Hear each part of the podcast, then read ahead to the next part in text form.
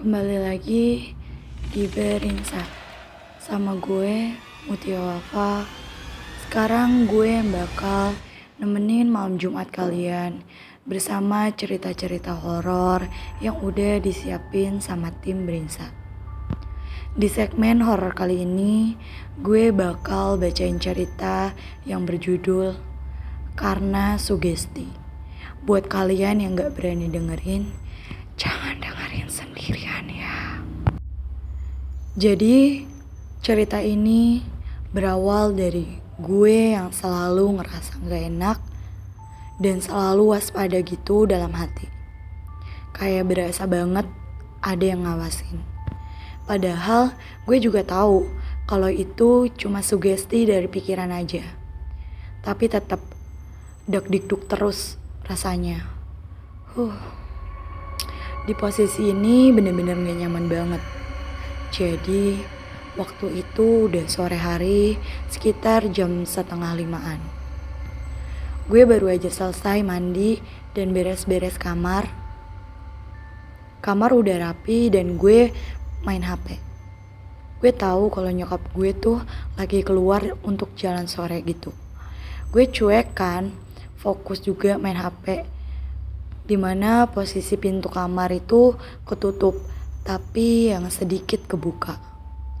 Pas gue lagi serius-seriusnya, tiba-tiba aja ada yang lewat gitu pakai baju loreng coklat, terus pandangannya tuh ke depan.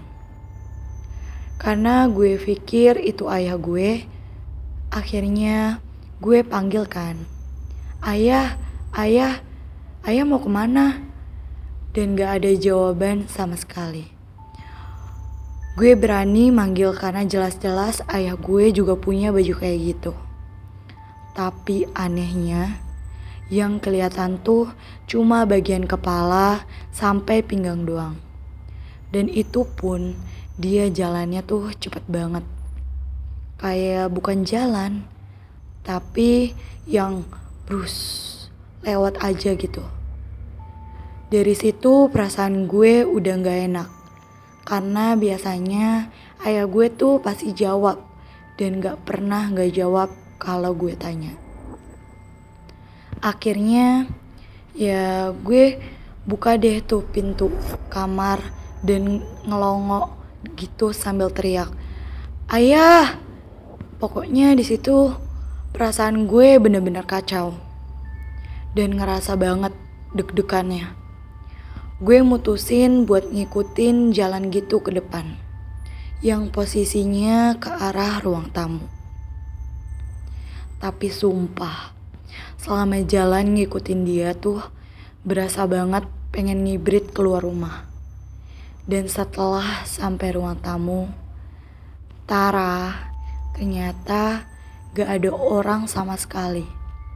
Gue langsung jalan cepet ke kamar sambil nutup pintu kamar dan ngunci.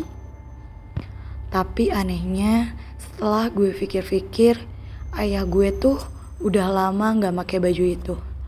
Karena bajunya udah kecil juga kan. Nah, dan dia yang lewat itu juga agak gemuk. Sedangkan ayah gue nggak gemuk-gemuk banget. Setelah beberapa menit, gak lama ayah gue pulang. Gue tanya dong, ayah dari mana? Dari luar sama mama. Kata ayah gue. Ya gue tanya lagi dong. Ade tadi panggil, tapi gak ada saut-sautannya pisan. Ade pikir tadi ayah. Ayah tadi bersuara, tapi abis itu gak lagi. Gak jelas banget, kata gue. Singkat cerita, makan malam. Di situ gue cerita kalau tadi yang gue kira ayah gue tuh ternyata bukan.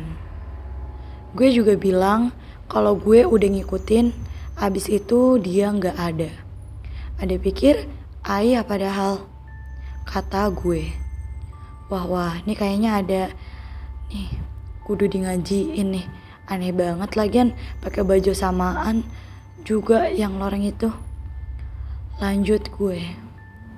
Mama gue cuma respon yang muka ngeledek dan bilang, ya adalah itu ditunjukin. Makan malam selesai dan gue masuk kamar. Gue tidur dan kebangun jam 1 malam. Tiba-tiba aja denger suara anjing ngegonggong malam-malam.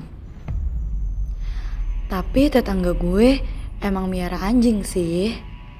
Gue pikir itu biasa aja, tapi karena sugesti pikiran, jadi gue mikir apa tuh yang tadi ya. Mata gue gak bisa merem lagi kepikiran kejadian sore tadi. Akhirnya tuh malam gue mikir terus sampai ketiduran. Bukan itu juga, dua hari setelah itu dan posisinya tuh di malam hari abis Isya. Gue dan nyokap keluar buat nyari cemilan.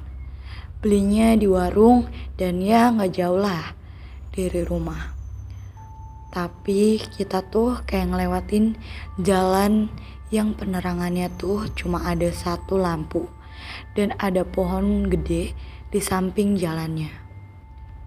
Gak gimana-gimana sih, karena kanan kiri tuh masih rumah. Jadi posisi kita tuh lagi jalan. Itu toge goreng ya mah? Tanya gue ke mama.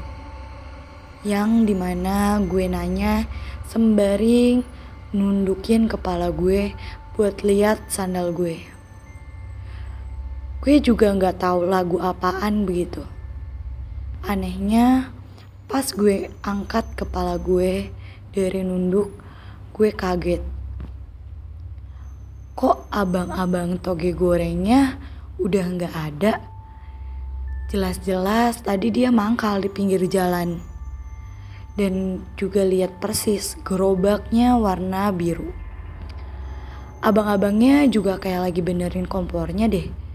Di sebelah abangnya juga ada kayak bapak-bapak lagi ngerokok. Kaget sih, refleks juga bilang, lah itu tukang toki gorengnya pergi ke mana?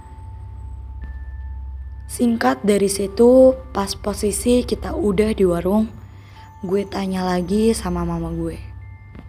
Tadi ada tukang toge goreng kan mah habis itu pas Adi lihat lagi udah nggak ada. Mama gue cuma jawab udah pergi kalau dia.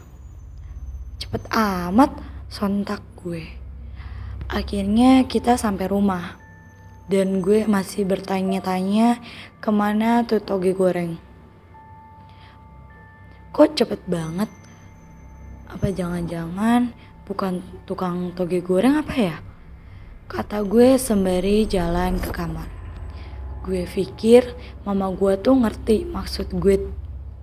Tapi dia lebih milih diem deh gue rasa. Di kejadian kayak gini tuh gak cuma yang ada di cerita ini.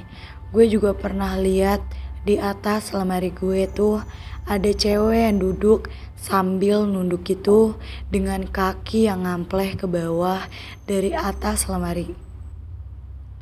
Rambutnya panjang, nutupin seluruh bagian kepala, termasuk mukanya.